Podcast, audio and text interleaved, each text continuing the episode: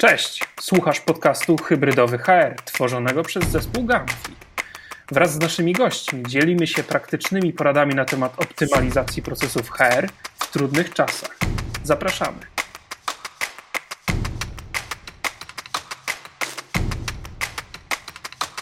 Cześć, z tej strony Jacek Krajewski z zespołu Gamfi i słuchacie kolejnego odcinku podcastu e, Hybrydowy HR, e, w którym rozmawiamy z naszymi gośćmi o zmianach, o dobrych praktykach HR-owych w tym stale e, zmieniającym się i turbulentnym świecie.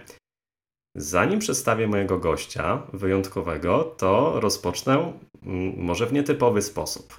Jak się okazuje, człowiek uczy się całe życie i ja ostatnio się o tym przekonałem E, właśnie mm, dzięki mojej rozmówczyni. Mm, mam tutaj na myśli gusta muzyczne i, i poznawanie też nowych e, twórców, e, a konkretnie amerykańską piosenkarkę Billie Eilish, którą, jak się okazuje, miałem okazję słuchać różnego rodzaju jej utwory, która jest, można powiedzieć, influencerką, też zdobywczynią różnych nagród Grammy, topową postacią. I ta osoba ostatnio zaangażowała się w pewną kampanię skierowaną do przedstawicieli młodego pokolenia. Kampanię, która wskazuje mm, na taki e, problem związany też e, z wyborami e, życiowymi, a takimi wyborami jest chociażby określenie kierunku kariery zawodowej, odkrycie talentów i kompetencji. I już, żeby nie trzymać Wam w niepewności, zdradzę, że chodzi o kampanię, za którą stoi firma T-Mobile, będąca częścią Deutsche Telekom, firma z branży nowych technologii, a ja z przyjemnością chcę przedstawić e, Wam moją rozmówczynię. E, jest to Dagmara Ptasińska, właśnie z firmy e, T-Mobile. Dagmara jest dyrektorką do spraw zarządzania portfolio HR i w T-Mobile odpowiada za między innymi przygotowywanie i wdrażanie różnego rodzaju produktów z zakresu HR, ponadto digitalizacji mm, oraz projektów wspierających cyfrową transformację e, firmy. Witam Cię serdecznie, Dagmarą, i bardzo się cieszę, że mamy okazję dzisiaj porozmawiać. Witam Cię, Jacku, witam wszystkich, którzy nas słuchają i również bardzo się cieszę na tę rozmowę e, i cieszę się, że zacząłeś od tego elementu e, Billie Eilish, tak? czyli naszego projektu tak zwanego Future Proof, bo jest to jeden z takich elementów, który pomaga nam rozpoznać tą sytuację, w której się znaleźliśmy, czyli sytuację niepewności, szczególnie związanych oczywiście z naszymi perspektywami zawodowymi. E, I mam nadzieję, że ci, e, którzy o tym teraz słuchają, będą e, zainspirowani, żeby polecieć im swoim dzieciom lub znajomym, bo jest to taka aplikacja, która pozwala określić różne preferencje zawodowe, ale też łączy się z uwzględnieniem naszych osobowości i dzięki temu na koniec jesteśmy w stanie no jakby przypisać sobie pewien charakter pracy, tak, który byłby dla nas wskazany i którym kierunku możemy się rozwijać. Dokładnie tak, żeby nie było, że nie odrobiłem pracy domowej, to miałem okazję e, z tej aplikacji również e, skorzystać. W efekcie otrzymałem taką diagnozę, z której wynika, że e, jestem odkrywcą. Co, co, co ciekawe, i tutaj przyznaję, że mm, też odezwały się we mnie takie faktycznie, powiedziałbym, mm, kompetencje trochę, trochę analityczne, trochę diagnostyczne. Mm, to, co jest właśnie e, ciekawe w tej, e, w tej kampanii, że ona e, oprócz tego, że angażuje dość znaną, bardzo popularną w kręgach młodych osób osobę, ale wskazuje na niez, niezwykle istotne zagadnienie Dagmaro. I tutaj chciałbym oczywiście rozpocząć naszą rozmowę, zapytać Ciebie mm, o bo łączę ten, ten wątek i tą kampanię również z bardzo e, takimi ważnymi pojęciami, e, o których często się e, mówi, czyli reskillingiem i upskillingiem, a więc z jednej strony podnoszeniem swoich kompetencji, ale też przebranżawianiem się, zdobywaniem zupełnie nowych e, umiejętności. Tutaj jeszcze będę się posiłkował takimi danymi e, i chociażby raportami, bo e, raport LinkedIna ostatni, przeprowadzone właśnie badanie wśród specjalistów od Learning Development, jasno wskazuje, że ten upskilling i reskilling są absolutnie numerem jeden, są priorytetem. Ponadto, jeśli popatrzymy sobie chociażby na wytyczne Komisji Europejskiej e, i jej flagowe projekty. Jest siedem flagowych projektów, chociażby między innymi e, są tam e, takie technologie jak 5G. mm, a więc też, też na pewno bliskie Twojej firmy tematy. Również pojawia się tam upskilling i reskilling. I teraz mm, Dagmaro, powiedz proszę, jak ty z Twojej perspektywy, bo wiem, że tymi tematami się interesujesz, pasjonujesz, mm, podchodzisz do tych zagadnień w świetle też e, tego, co Twoja organizacja e, w tym momencie oferuje i swoim pracownikom, i potencjalnym e, kandydatom, jakie działania podejmujecie. No bo wiemy, że ta zmiana, która się wywołała, która miała miejsce w ubiegłym roku, mm, nie daje nam innej możliwości. Cały czas się powinniśmy rozwijać. I jak takie właśnie aspekty w Waszej organizacji mm, się odbywają? To prawda i ja powiem tak, żeby jeszcze uzupełnić Twoje dane, to podzielę się swoimi. Ja dotarłam do takich informacji, które mówią, że 78% firm w naszym kraju widzi e, o swoje zagrożenie oczywiście w realizacji strategii związanej z digitalizacją i tutaj wskazuje największy brak kompetencji wśród swoich pracowników. E, a ostatnio przeczytałam też w raporcie BCG, że 61% tak, e, ludzi uważa, że trendy, które teraz powstają właśnie w trakcie pandemii, postpandemii, e, będą w znaczący sposób rzutowały e, na ich sposób pracy i na to, jak te zawody, które teraz wykonują, będą się rozwijać lub odwrotnie, czy będą przypadkiem znikać. I to jest, e, myślę, że taki też dobry uzupełnienie i punkt wyjścia do Twojego pytania, dlatego że ja uśmiecham się do Ciebie. Rzeczywiście jestem zafascynowana tematem reskillingu, natomiast oczywiście pewnie wszyscy wiemy, że nie jest to jakiś nowy trend, bo już w momencie, kiedy wchodziła, nie wiem, maszyny parowe, to wtedy też wymagane było wśród społeczeństw, żeby przekwalifikowywać swoje umiejętności i uczyć się czegoś nowego. Ja cieszę się z tego, że my ten trend trochę wyprzedziliśmy, dlatego że my na temat reskillingu zaczęliśmy rozmawiać w sumie ponad e, półtora roku temu, zanim w ogóle zaczęły się tutaj wszystkie kwestie związane z COVID-19 i wtedy zaczęliśmy zauważać, że rzeczywiście taki poziom identyfikacji umiejętności i kompetencji w organizacji wymaga od nas tego, że powinniśmy zwiększyć naszą aktywność i postawić na to, żeby te kompetencje rozwijać wewnątrz organizacji wśród osób, które ją dobrze znają. Dlatego, że już wtedy zauważyliśmy pewien trend, że niektóre z tych stanowisk, które teraz wydają się spokojną oazą i przestrzenią, za chwilę rzeczywiście przestaną istnieć. E, I stąd nasz pomysł na to, żeby rozpocząć działania w zakresie tych kompetencji, które szczególnie były nam potrzebne na dany moment. I w naszym przypadku były to kompetencje stricte techniczne, właściwie programistyczne, czyli postawiliśmy na rozwój kompetencji związanych e, z programowaniem w Javie.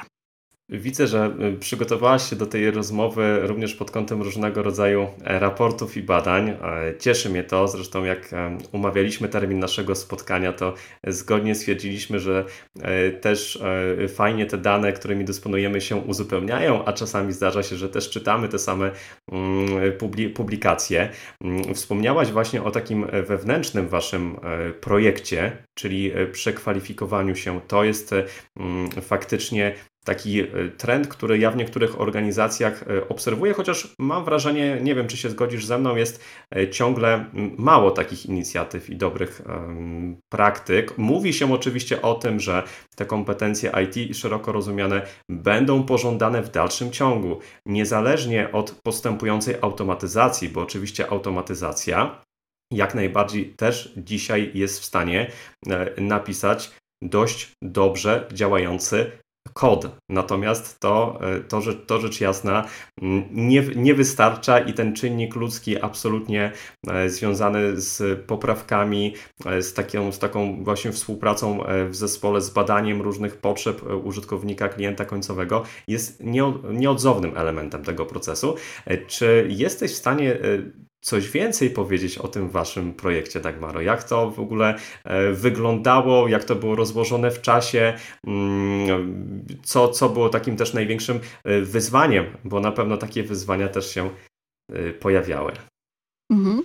E, projekt rozpoczęliśmy na początku e, roku 2020, kiedy podjęliśmy decyzję, że rzeczywiście e, mamy identyfikację kompetencji, które są nam potrzebne, natomiast zastanawialiśmy się, jaki sposób będziemy w stanie je rozwinąć w organizacji. I na sam koniec zdecydowaliśmy się oczywiście na wsparcie firmy zewnętrznej, która ma kompetencje, jakby potwierdzone doświadczenie w Europie do tego, żeby przygotować pracowników w krótkim czasie osób, które są kompletnie nietechniczne, do tego, żeby rozpoczęły swoją przygodę właśnie na takich na początku juniorskich pozycjach.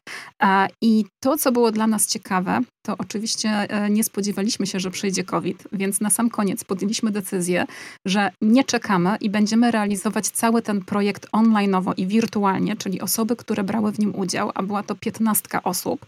E, nigdy tak naprawdę nie miały okazji spotkać się w ramach tego projektu e, w, jakby w świecie rzeczywistym, ale świetnie poradziły sobie w, z poszczególnymi E, etapami swojej nauki. My podjęliśmy taką decyzję, że program będzie zorganizowany w taki sposób, że my te osoby dosłownie wyciągniemy z organizacji na pewien czas, czyli one nie świadczyły wtedy swojej pracy, tylko przez okres trzech miesięcy ciągiem uczyły się nowych kompetencji z zakresu właśnie programowania w Javie, programowania też w Pythonie, bo to jest taki element, który nam był akurat pomocny do charakterystyki naszej pracy. E, I były to takie szkolenia i jakby właściwie przygotowanie przez firmę zewnętrzną całego takiego landscape'u IT e, do tego, żeby mogły rzeczywiście te osoby na bieżąco się uczyć. One miały swoich mentorów, one miały swoje zbudowane wewnętrzne community, miały też wsparcie w postaci rozbudowania umiejętności miękkich, które potrzebne jest, są również do tego, żeby przechodzić przez zmianę i przygotować się do tego, że nagle zdejmuję stary garnitur i zakładam zupełnie nowe ubranie i potrzebuję się w tym jakoś rozgościć, więc o to też staraliśmy się zadbać. E, to, co jest ciekawe, to e, ponad 90% osób, które przystąpiły do tego programu, to były osoby, które są tak naprawdę pracownikami, a właściwie były, naszego frontline'u, czyli w tych wszystkich tych pozycji, które dotyczą konsultantów na naszym contact center, osób, które pracują w naszych sklepach lub sprzedaży B2B. I to był rzeczywiście jakby taki trzon tej grupy, e, która zdecydowała, że chce zmienić swoje życie i oni dosłownie tak nam teraz o tym mówią, że pomogliśmy im zmienić życie i e, jakby rozpocząć zupełnie nową dla nich przygodę. E, była to grupa niezwykle zdyscyplinowana. Oni ogromnie dużo czasu wkładali w to, żeby robić zadania domowe, wspierać się między sobą i uczyć nawzajem. I nie ukrywam, że jak teraz śledzimy już ich losy w momencie, kiedy pracują w nowych jednostkach, bo jesteśmy już po zamknięciu tego projektu już w świecie rzeczywistym te osoby naprawdę programują, niektóre z nich również testują, e, to e, widzimy, że ten głód wiedzy i ten nie, nieustająca pasja do tego, żeby pozyskiwać nowe informacje, w nich została i trochę nauczyli się uczyć też w tym programie. E, i, I rzeczywiście rozwijają się świetnie. Tam bardzo dużym wyzwaniem, Jacek, była jedna rzecz, czyli cały ten program realizowaliśmy w języku angielskim, ponieważ nasz do, dostawca nie miał konsultantów, którzy znali język polski. Więc trochę na początku myśleliśmy, że to może być ryzykowne, ale na sam koniec zyskaliśmy na tym podwójnie, dlatego że te osoby nauczyły się też świetnie e, po prostu poruszać w dosyć specyficznym, powiedziałabym, e, dialekcie tak, technicznym, więc tym bardziej mają ułatwioną pracę. I tak, e, tak to wyglądało. Natomiast co było największym wyzwaniem? Zupełnie szczerze, e, i myślę, że tutaj większość osób pracujących w HR się uśmiechnie, to przekonanie biznesu do tego, że to się uda. Dlatego, że pierwszym zdaniem, które usłyszałam, to jest to, że nie da się nauczyć kogoś IT w trzy miesiące, ponieważ studia trwają pięć lat e, i są często bardzo trudne e, i że nie ma takiej możliwości, żeby te osoby przyszły i od dnia pierwszego zaczęły realizować zadania, które są im dane. I to było wyzwanie, żeby rozpocząć to działanie i przekonać biznes, to właściwie przekierowaliśmy im uwagę na to, co jest ich największą potrzebą. Czyli zaczęliśmy się bardzo głęboko dopytywać, ale jakie zadania byłbyś w stanie dać tej osobie od tego pierwszego dnia? Co ona musi potrafić z zakresu Java czy innych elementów, które są tobie potrzebne w tym zakresie i odciążyłyby twój zespół. I na tej podstawie zaczęliśmy uwagę biznesu przekierowywać na to, żeby oni stworzyli z nami całe takie kurikulum tego, jak ten program ma wyglądać. I to, był nasz, to były nasze początki. Czyli e, zdobyliśmy wewnętrznie takich naszych też mentorów, tak, którzy napisali z nami ten program i rozpisali moduły bardzo szczegółowo, dopasowane do tego, jak u nas się pracuje i dokładnie do czego mogą być te kompetencje wykorzystywane. I powiem Ci szczerze, że do momentu, kiedy ta grupa fizycznie nie zaczęła się uczyć, ich poziom takiego przekonania co do sukcesu tego projektu, zupełnie szczerze, był delikatnie rzecz mówiąc wątpliwy. Natomiast my powiedzieliśmy: OK, to jest wszystko to, jak my działamy wewnątrz organizacji, która jest i szczyci się tym, że wdrożyła Agile i ma taki mindset, czyli po prostu spróbujmy, tak? Idźmy ten krok dalej i zobaczmy, jak to zaczyna działać. I w trakcie trwania tej nauki i programu mm, e, liderzy e, mieli okazję spotkać się z tymi osobami, porozmawiać, też budować pewną więź już na przyszłość, bo chcieliśmy, żeby te osoby gładko weszły w nowe zespoły, a każda osoba z tych 15 pracuje w innym zespole, czyli to jest ta ciekawostka. My ich po prostu rozdystrybuowałyśmy w całej organizacji. E, I na sam koniec okazało się, że e, to działa i jesteśmy po kilku już spotkaniach z naszymi liderami, właśnie, którzy przyjęli te osoby, którzy mówią, że tu nawet nie chodzi już o to, że one potrafią e, programować i że pozyskują coraz więcej informacji. Ale to, od czego zaczęliśmy, czyli od tej generacji Z, to często są bardzo młodzi ludzie, którzy wprowadzają powiew świeżości, którzy mają takie nastawienie, że się da, tak? że szukają rozwiązań, że pokazują, że innym osobom też zespołu, żeby, że można się dać zaangażować i że nawet taka rzecz jak programowanie w Javie może być bardzo pasjonujące. I to osobiście uważam za sukces tego projektu, tak? Czyli, że zmieniliśmy nie tylko kompetencje, ale zbudowaliśmy w jakiś sposób nową kulturę, postawę, nową społeczność, która też trzyma się bardzo ze sobą.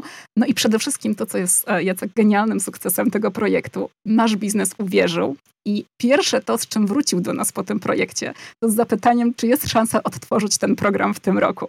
I myślę, że to chyba mówi samo za siebie, e, bo to jest, to, to jest już taki, wiesz, evidence, tak? Czyli pewien dowód, który mamy, sprawdzona hipoteza, którą sobie założyliśmy, która okazała się e, już nie hipotezą, ale rzeczywiście faktem. Wszystko brzmi bardzo, bardzo ciekawie i jest to taka historia, powiedziałbym właśnie z happy endem, to znaczy, e, gdzie pada sakramentalne pytanie od biznesu, czy możemy to e, zrobić ponownie. Wydaje mi się, że no, chyba lepszej rekomendacji być nie może. To, co ja mm, zauważyłem tak jakby w Twojej jakby też wypowiedzi, to jest to, że tutaj można powiedzieć, że działa się zmiana w zmianie, albo to była zmiana wręcz do, mm, do kwadratu, bo y, nałożyło się to oczywiście z pandemią, bo to trwało, y, bo to też y, zazębiło się z tym e, okresem. E, nauka e, programowania, ale też jednocześnie nauka języka angielskiego, więc tutaj, tutaj faktycznie te przysłowiowe dwie pieczenie na jednym ogniu i też takie podwaliny pod mm, kulturę uczenia się. E, to też jest takie pojęcie, które mm, coraz częściej się e, pojawia. I może tutaj postawię jeszcze kropkę i zapytam Ciebie o ten wątek dotyczący współpracy z biznesem. Dagmaro. Temat, y, temat rzeka oczywiście odmieniany przez wszelkie przypadki y, na różnych y, eventach. Ja nie ukrywam, że też z moimi gośćmi staram się mm, ten temat pogłębiać, poznać ich perspektywę. I, i nie ukrywam, że też ciekawi mnie taka Twoja perspektywa, patrząc na to właśnie, co się mm, wydarzyło Oprócz takiego angażowania, e, bo to, ten, ten przykład tego projektu i to, że wspomniałaś o tych mentorach, to jest przykład, gdzie osoby mm, zostały wciągnięte, tak? I, i gdzieś tam się za, właśnie zaangażowały, współtworzyły, co wpływało na sukces tej kampanii. Ale mm, jak jeszcze, jakie, jakie znasz inne sposoby z autopsji, które mm, mogą ten biznes bardziej zaangażować albo inaczej pokazać po prostu wymierność działań e, takich prowadzonych przez dział HR. To jest też niekończąca się mhm. właśnie e, opowieść. Co z Twojej perspektywy mogłabyś też podpowiedzieć naszym e, słuchaczom, którzy no, często, jak się okazuje, podkreślają ten wątek? Mhm. Ja myślę, że to jest długa podróż i taki stały eksperyment, ponieważ to, co powiedziałeś, jest bardzo ważne. Jesteśmy w stałej zmianie i jednocześnie cały czas przechodzimy przez wszystkie klasyczne etapy tej zmiany. Tak? Czyli cokolwiek nowego się dzieje, to my zaprzeczamy, frustrujemy się, po czym zaczynamy wierzyć i z tej zmiany powolutku wychodzić. I właściwie myślę sobie, że jak spojrzymy na każdy projekt życiowy i profesjonalny, w którym jesteśmy, to te etapy cały czas się pojawiają co więcej, to, co możemy tylko zrobić, to je przyspieszyć w pewnym aspekcie. I ja myślę sobie, że ten program reskillingowy pokazał nam, że rzeczywiście każdy z nas przechodził jakąś zmianę. Dla nas to był nowy sposób przygotowania e, projektu, dla biznesu to było właśnie przygotowanie się do tego projektu razem, a dla tych um, fantastycznych młodych ludzi, no to po prostu było mm, wyrzucenie ich w nowy kosmos. Natomiast pytasz o liderów. Wiesz, ja myślę, że e, to, co powiedziałeś na początku, czyli to, że my mieliśmy mentorów, to trochę e, pokazuje, że mieliśmy kogoś, kto mówi językiem językiem biznesu i kto jest jakby z tamtego plemienia, tak? czyli z, tych, z tego obszaru, który nie powie, że to jest pomysł HR, który nie powie, że ktoś go do czegoś zmusił, bo to było osoby absolutnie zaangażowane i z nami też od początku jakby kibicujące nam w tym projekcie. Ja myślę, że to jest ważne, tak? ponieważ naszą intencją nie było przekonywać nikogo na siłę, że to się uda, bo my po prostu nie wiedzieliśmy. Tak? No to jest tak trochę buy and try na, na, takim, na takim podejściu, ale mieliśmy kogoś, kto tłumaczył to językiem biznesowym na zasadzie pójdźmy troszkę dalej a, a, i sprawdźmy, gdzie, gdzie jesteśmy. To pytanie, jak angażować biznes e, w przypadku HR-u, ja myślę, że to powie ci każdy zespół tutaj u nas, który, który działa i który przygotowuje różne produkty na rzecz biznesu, czyli to podejście takie, a, no, że nasz klient jest w centrum uwagi. To jest jedna z naszych wartości firmowych. Czyli każdy pomysł, który my mamy, E, traktujemy jako takie małe MVP, tak? czyli dla tych organizacji, które są bliżej Agile, to jest taki minimum valuable product, czyli mała rzecz, od której zaczynamy i sprawdzamy, czy to jest w ogóle potrzebne i konieczne. I dla nas stało się to pewnego rodzaju rutyną, takim powiedziałabym, elementem, bez którego nie zaczynamy. Czyli my po prostu idziemy i pytamy. E, I to, co jest dla nas bardzo pozytywnym oddźwiękiem, to że e, nasz biznes cały czas chce nam odpowiadać i angażuje się w te, e, w te nasze działania i wszystkie te elementy, które robimy, tworzymy z nimi, tak? czyli z nimi od samego początku. Czyli jeżeli okazuje się, że pewne rzeczy są kompletnie nieprzydatne i oni nie widzą tam żadnej wartości biznesowej, no to nie ma sensu, żebyśmy my na sile próbowali to wdrożyć, kiedy na koniec nikt z tego nie skorzysta. I to jest taka zasada, która myślę, że jest e, absolutną wartością, bo mm, wówczas dwie strony czują, że są partnerami w tym samym e, działaniu. I myślę sobie, że to się, nie chcę mówić, że sprawdzić zawsze, tak, bo na sam koniec życie potrafi nas zaskoczyć. Ale e, w naszym przypadku to po prostu działa i e, każdy projekt od działań performansowych, rozwojowych czy e, onboardingowych, my na początku testujemy razem z naszym biznesem, pytamy, czego potrzebują, co jest ich największą bolączką, jaka jest ta mała rzecz, po której oni poczuli, że ona jest jakby lewarem do tego, że zmienia więcej.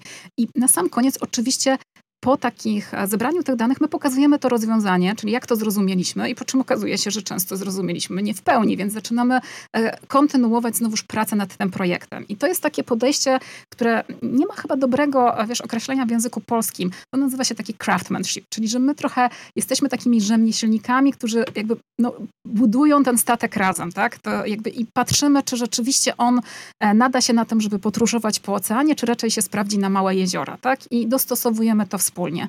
I moim zdaniem to jest rzeczywiście klucz na dzisiaj, bo Wszyscy wiemy, że naszym największym zasobem jest czas, a my bardzo chcemy szanować czas naszego biznesu. E, pewnie też i u ciebie, i u nas, tak? Wiemy, jak ogromne tempo e, pracy, działań, e, tego wzrostu efektywności ta pandemia nam jakby przyniosła, tak, że działamy rzeczywiście w takiej ciągle jeszcze myślę, e, no, w, tym, w tej fazie takiej wysokiej adrenaliny, kiedy, kiedy wszystko tak bardzo przyspieszyło, więc tym bardziej musimy być bardzo uważni na to, że e, zasób czasu jest ograniczony, co oznacza, że potrzebujemy wykorzystywać go w najbardziej wartościowy sposób. E, I to jest jedna jeden oczywiście z elementów angażowania liderów. I to, co myślę, że jest też ważne, to my bardzo chcemy, żeby to liderzy mówili o tych zmianach. Czyli to, że kiedy robimy coś razem, to niekoniecznie musimy mówić, że HR wdrożył, tak? tylko że po prostu lider pokazuje, jak to działa, na co to wpływa w zespole, do czego to może być przydatne. I myślę, że to jest ważne, bo to jest budowanie takiego współodpowiedzialności, ale też wtedy e, współzaangażowania w to, że ja też jestem właśnie twórcą i autorem tego projektu i mogę go zupełnie inny sposób skomunikować do mojego zespołu, który często też wcześniej bierze z nami udział w różnych rozmowach e, i, i to jest tutaj rzeczywiście pomocne.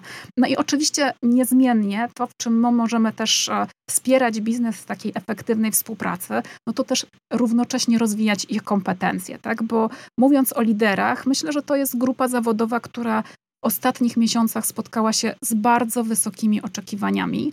E, a najczęściej to są też bardzo ambitne jednostki, tak, które chcą przewodzić i chcą pokazywać, że w tych zmianach są rol modelami. A mogło się okazać tak, że no jednak spotykamy się dokładnie z tym samym wyzwaniem. Jesteśmy wszyscy ludźmi i myślę sobie, że ten, to wsparcie w pokazywaniu, że można wykorzystać swoje zasoby w inny sposób, można rozwinąć się w inny sposób, tak żeby działać efektywniej i skoncentrować liderów na nich samych, Jacek, po prostu, tak, żeby pokazać, że to, że czasem nie chodzi o same oczekiwania, tylko pokazać, słuchajcie, to, że idzie zmiana, to znaczy, że my też się w tej zmianie e, transformujemy, przekształcamy, zmieniamy i też pomóc e, wyłapać ten moment, żeby uczyć się razem, tak? Czyli żeby dawać sobie tą przestrzeń, że ten lider nie musi być ideałem, który e, przywdziewa tutaj e, e, szatę Supermana, tylko jest kimś, kto też może w tym czasie zmiany popełnić błędy i razem wykształcić pewien nowy sposób działania, nowe zachowanie. Wiesz, no, ta, ta okoliczność nawet, w której teraz się spotykamy, tak? Jesteśmy online, widzimy się w przestrzeni wirtualnej, to wymagało od nas bardzo dużych zmian i no, tak naprawdę przystosowania swoich nawyków liderskich tak, do tego, żeby sprostać całej sytuacji i tego, żeby nadal nasze zespoły były zaangażowane i czuły takiego, tak my to nazywamy team magenta, tak, czyli takiego ducha zespołu i że czujemy się w tym wszystkim razem. Poruszyłaś e, wątek, który chciałbym jeszcze, mm, jeszcze bardziej rozwinąć, jak, jeśli będzie to możliwe, czyli mm, wyszliśmy na temat e, menedżerów, liderów. Ja, ja oczywiście też mam taką e, swoją refleksję na ten temat. Mam na myśli to, że faktycznie bardzo dużo w ostatnim czasie narosło oczekiwań wobec tej grupy, która jak e, pokazują też różnego rodzaju e, badania, na przykład e, firma Glint, która jest też częścią LinkedIna, przeprowadziła właśnie takie badanie, z którego wynika, że menedżerowie tak na dobrą sprawę są jedną z najbardziej zestresowanych grup w organizacji. No a tutaj mamy oczywiście, a, a jednocześnie są takim buforem pomiędzy oczekiwaniami topowej kadry menedżerskiej zarządu, a oczekiwaniami pracowników, których mają e, w zespołach. Dodam do tego oczywiście, żeby było jeszcze ciekawiej, e, też ogólnie panujący, może nie pisany, ale taki, mm, taki popyt albo taką, taką potrzebę, jak widzę w różnego rodzaju dyskusjach, jaki powinien być idealny lider skuteczny lider i przywódca. E, co róż na przykład na LinkedInie e, trafiam na tego typu dyskusje. Oczywiście one e, obfitują w mnogość komentarzy i ta lista życzeń nie ma końca, więc tutaj, tutaj faktycznie i mówię też, może podzielę się po raz pierwszy i z Tobą i z naszymi słuchaczami taką swoją historią zawodową. Mam myślę też już taką dojrzałość, żeby o tym mówić, że mm, ładnych parę lat temu ja również miałem taką funkcję lidera i menedżera e, w zespole. E, wiem, e, ile mnie to właśnie energii, ile stresu kosztowało mm, i oczywiście też mój, mój zespół, który miałem pod, pod swoimi skrzydłami. Wiem też, jak bardzo chciałem pokazać, że tak, ja mogę, że jestem super, super, super, super bohaterem i jestem w stanie tym oczekiwaniom obu stron sprostać. Wiem dzisiaj z perspektywy czasu, mm, nie było to łatwe, że nie była to rola dla mnie. Ja na przykład odnajduję się bardziej w roli mm, eksperta. E, więc Mam wrażenie, że tkwimy jednak, e, że część menedżerów tkwi w takiej pułapce, może złotej klatce, że jednak są tymi menedżerami, ale jednak e, właśnie jest zmęczenie, są wysokie oczekiwania i tutaj, tak Maro, moje pytanie po tym moim trochę długim, długim wywodzie i kontekście brzmi w sposób następujący. Jak wy w takim, mm, w takim razie wspierać, wspieraliście w tym trudnym czasie i wspieracie e, liderów w tej, e, w tej, w tej zmianie, w tym dbaniu o, o siebie, o swój rozwój. Mhm. E, powiem Ci tak, bardzo Ci dziękuję, że podzieliłeś się e, też swoim doświadczeniem i tym, co jest w tym doświadczeniu najwa- najważniejsze, czyli że wiesz, że było to e, taki element, gdzie to na sam koniec przekierowało cię na inną ścieżkę i wiesz, że chcesz być ekspertem, ale po, pozwoliłeś sobie na ten eksperyment. Ja bardzo lubię to słowo, tak jak, jak, pewnie, jak pewnie słyszysz. I jak słyszę e, pytania, a też śledzę te wszystkie opisy w internecie, e, jakie cechy powinien mieć e, właśnie idealny lider, to myślę sobie, że na pierwszym miejscu powiedziałabym, żeby uświadomił sobie, że nie ma być idealny.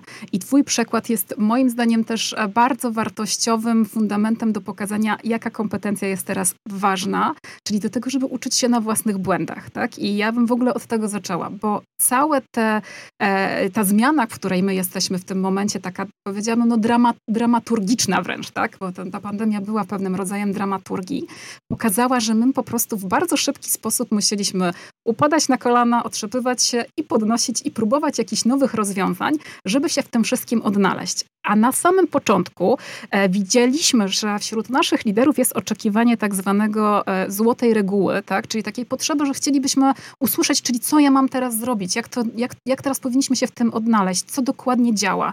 No i zupełnie szczerze, Jacek, ja na samym początku nie wiedziałam, co działa.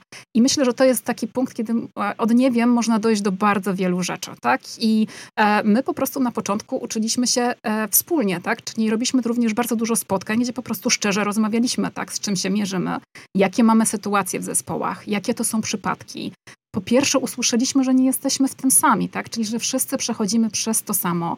I to, o czym część, często mówi e, Asia Chmura, która, która mówi o badaniach wstydu, pozbyliśmy się tego wstydu mówiąc, że nie wiemy. I to jest, e, myślę sobie, że e, już taki pierwszy sukces, od którego zaczynamy działać. Natomiast potrzeba oczywiście cały czas rosła z dnia na dzień. I pewnie tak jak wiele organizacji, my poruszyliśmy bardzo dużo tematów dotyczących tego, jak poruszać się w tej pracy typowo online'owej, na szczęście mieliśmy też sporo liderów, którzy już wcześniej wprowadzili taki sposób działania. Tak? I też my wcześniej jako organizacja mieliśmy e, pracę zdalną tak? I, i wiedzieliśmy, że to nie jest takie absolutne nowum dla nas, więc troszeczkę mieliśmy pewnie ułatwioną sytuację, ale nie w takiej skali e, i, i z taką skalą się wcześniej oczywiście nie spotkaliśmy. Więc postanowiliśmy zbudować taki program, e, który jest oparty o, oczywiście jest e, oparty o takie rozwiązanie i platformę online'ową, gdzie zaprojektowaliśmy całą ścieżkę takiego remote lidera, tak? czyli wszystkich tych kompetencji, które na początku nasi liderzy wskazali jako ważne do tego, żeby przeformatować swój sposób działania i współpracy między sobą, bo to też jest ważne, ale oczywiście też w ramach swoich zespołów. I to były różne kompetencje. Od tego w ogóle, jak wygląda ta praca hybrydowa, tak? I jak mogę e, zarządzać zespołem w przestrzeni wirtualnej, jak go motywować, e, jak budować zaangażowanie, jak radzić sobie z sytuacją, która jest, myślę, i pewnie się teraz wiele osób uśmiechnie, na początku pandemii największym wyzwaniem, czyli jak pozbyć się tej chęci kontroli i tego, że przekonania, że mam, jestem pewien, że mój zespół realizuje te cele, które ma realizować i jest w tej pracy, tak? Czyli pewne no, odpuścić samemu się, sobie też, tak? Taki, taką chęć um, bycia e, jakby stuprocentową osobą, która kontroluje tą sytuację.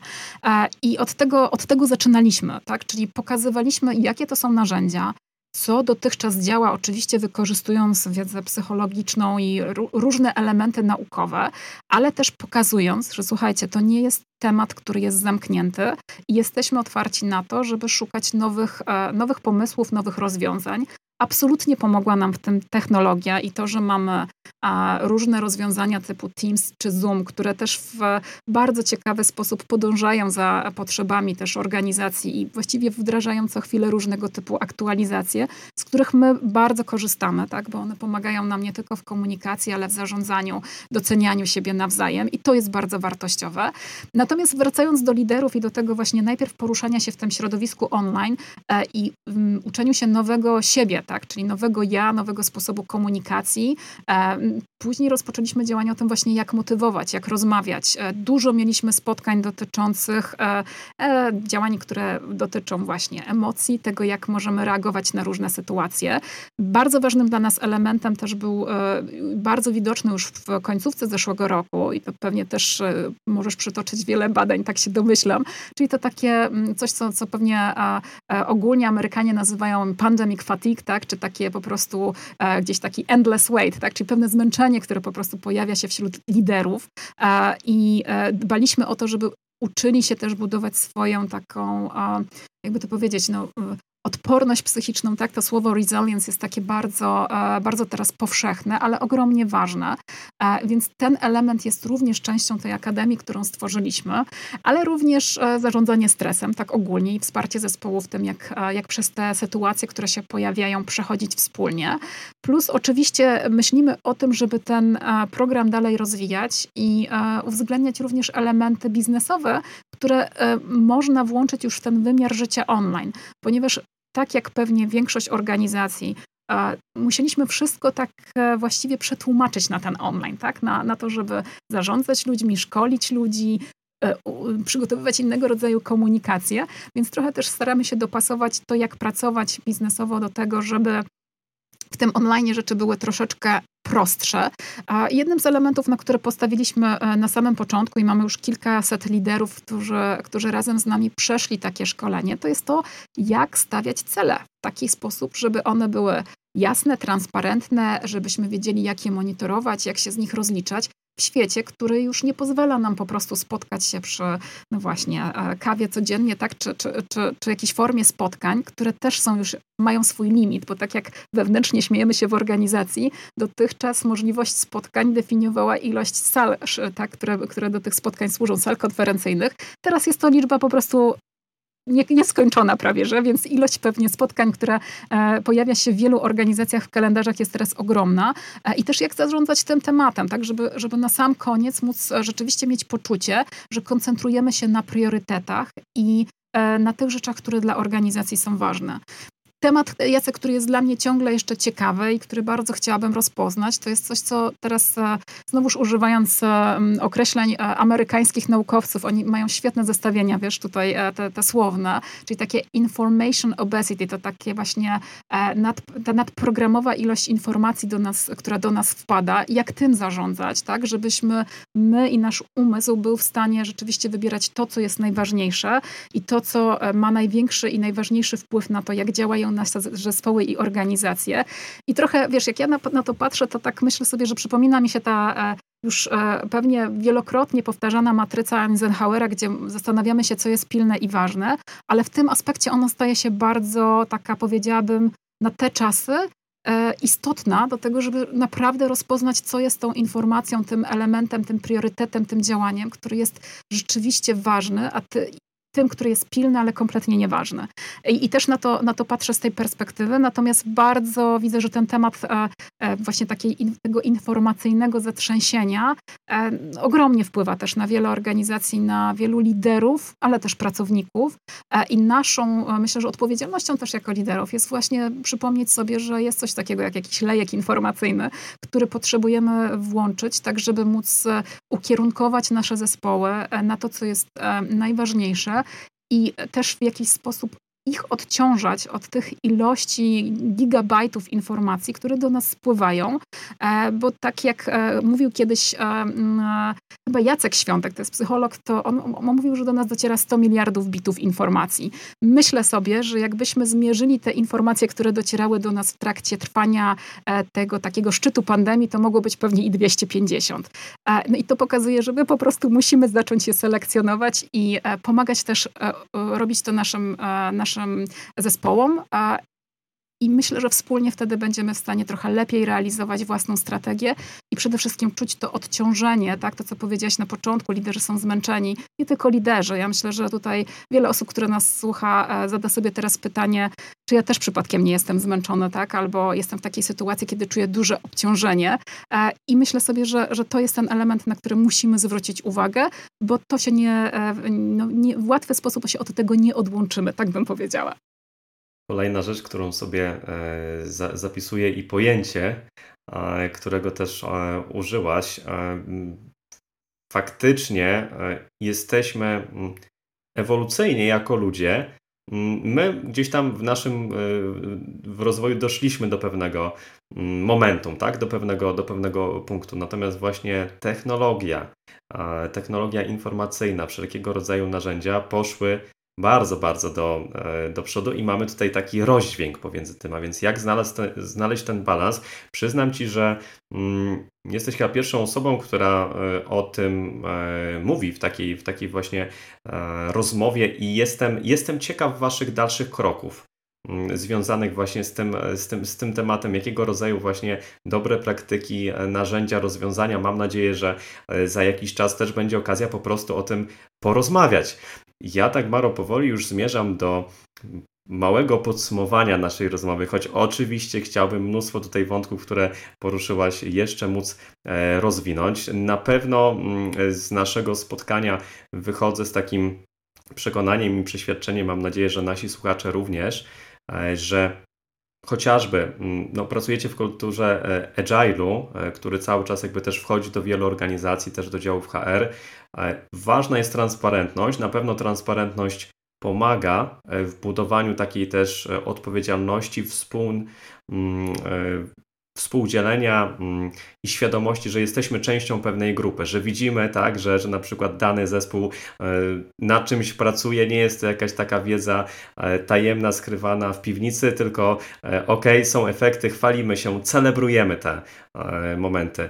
Kolejna, kolejny, kolejny aspekt szalenie mm, interesujący i tutaj trzymam kciuki za dalsze Wasze działania w tym zakresie, to jest te information obesity, a jeśli dobrze, jeśli dobrze teraz wymawiam, a więc zastanowienie się, co zrobić z tym natłokiem informacji, jakie dobre praktyki e, zastosować, żeby mm, no może nie, nie totalnie usunąć, ale zminimalizować to przeładowanie, żeby nauczyć siebie, inne osoby w organizacji tej, mm, tej selekcji. No i z pewnością udowadniacie również, że, że taka, taka zmiana także w trakcie e, pandemii, jak ten reskilling i mm, to, to pytanie sakramentalne o kontynuację projektu, bo, bo rozumiem, że projekt będzie mm, dalej, e, dalej kontynuowany. Uśmiechasz, e, uśmiechasz się.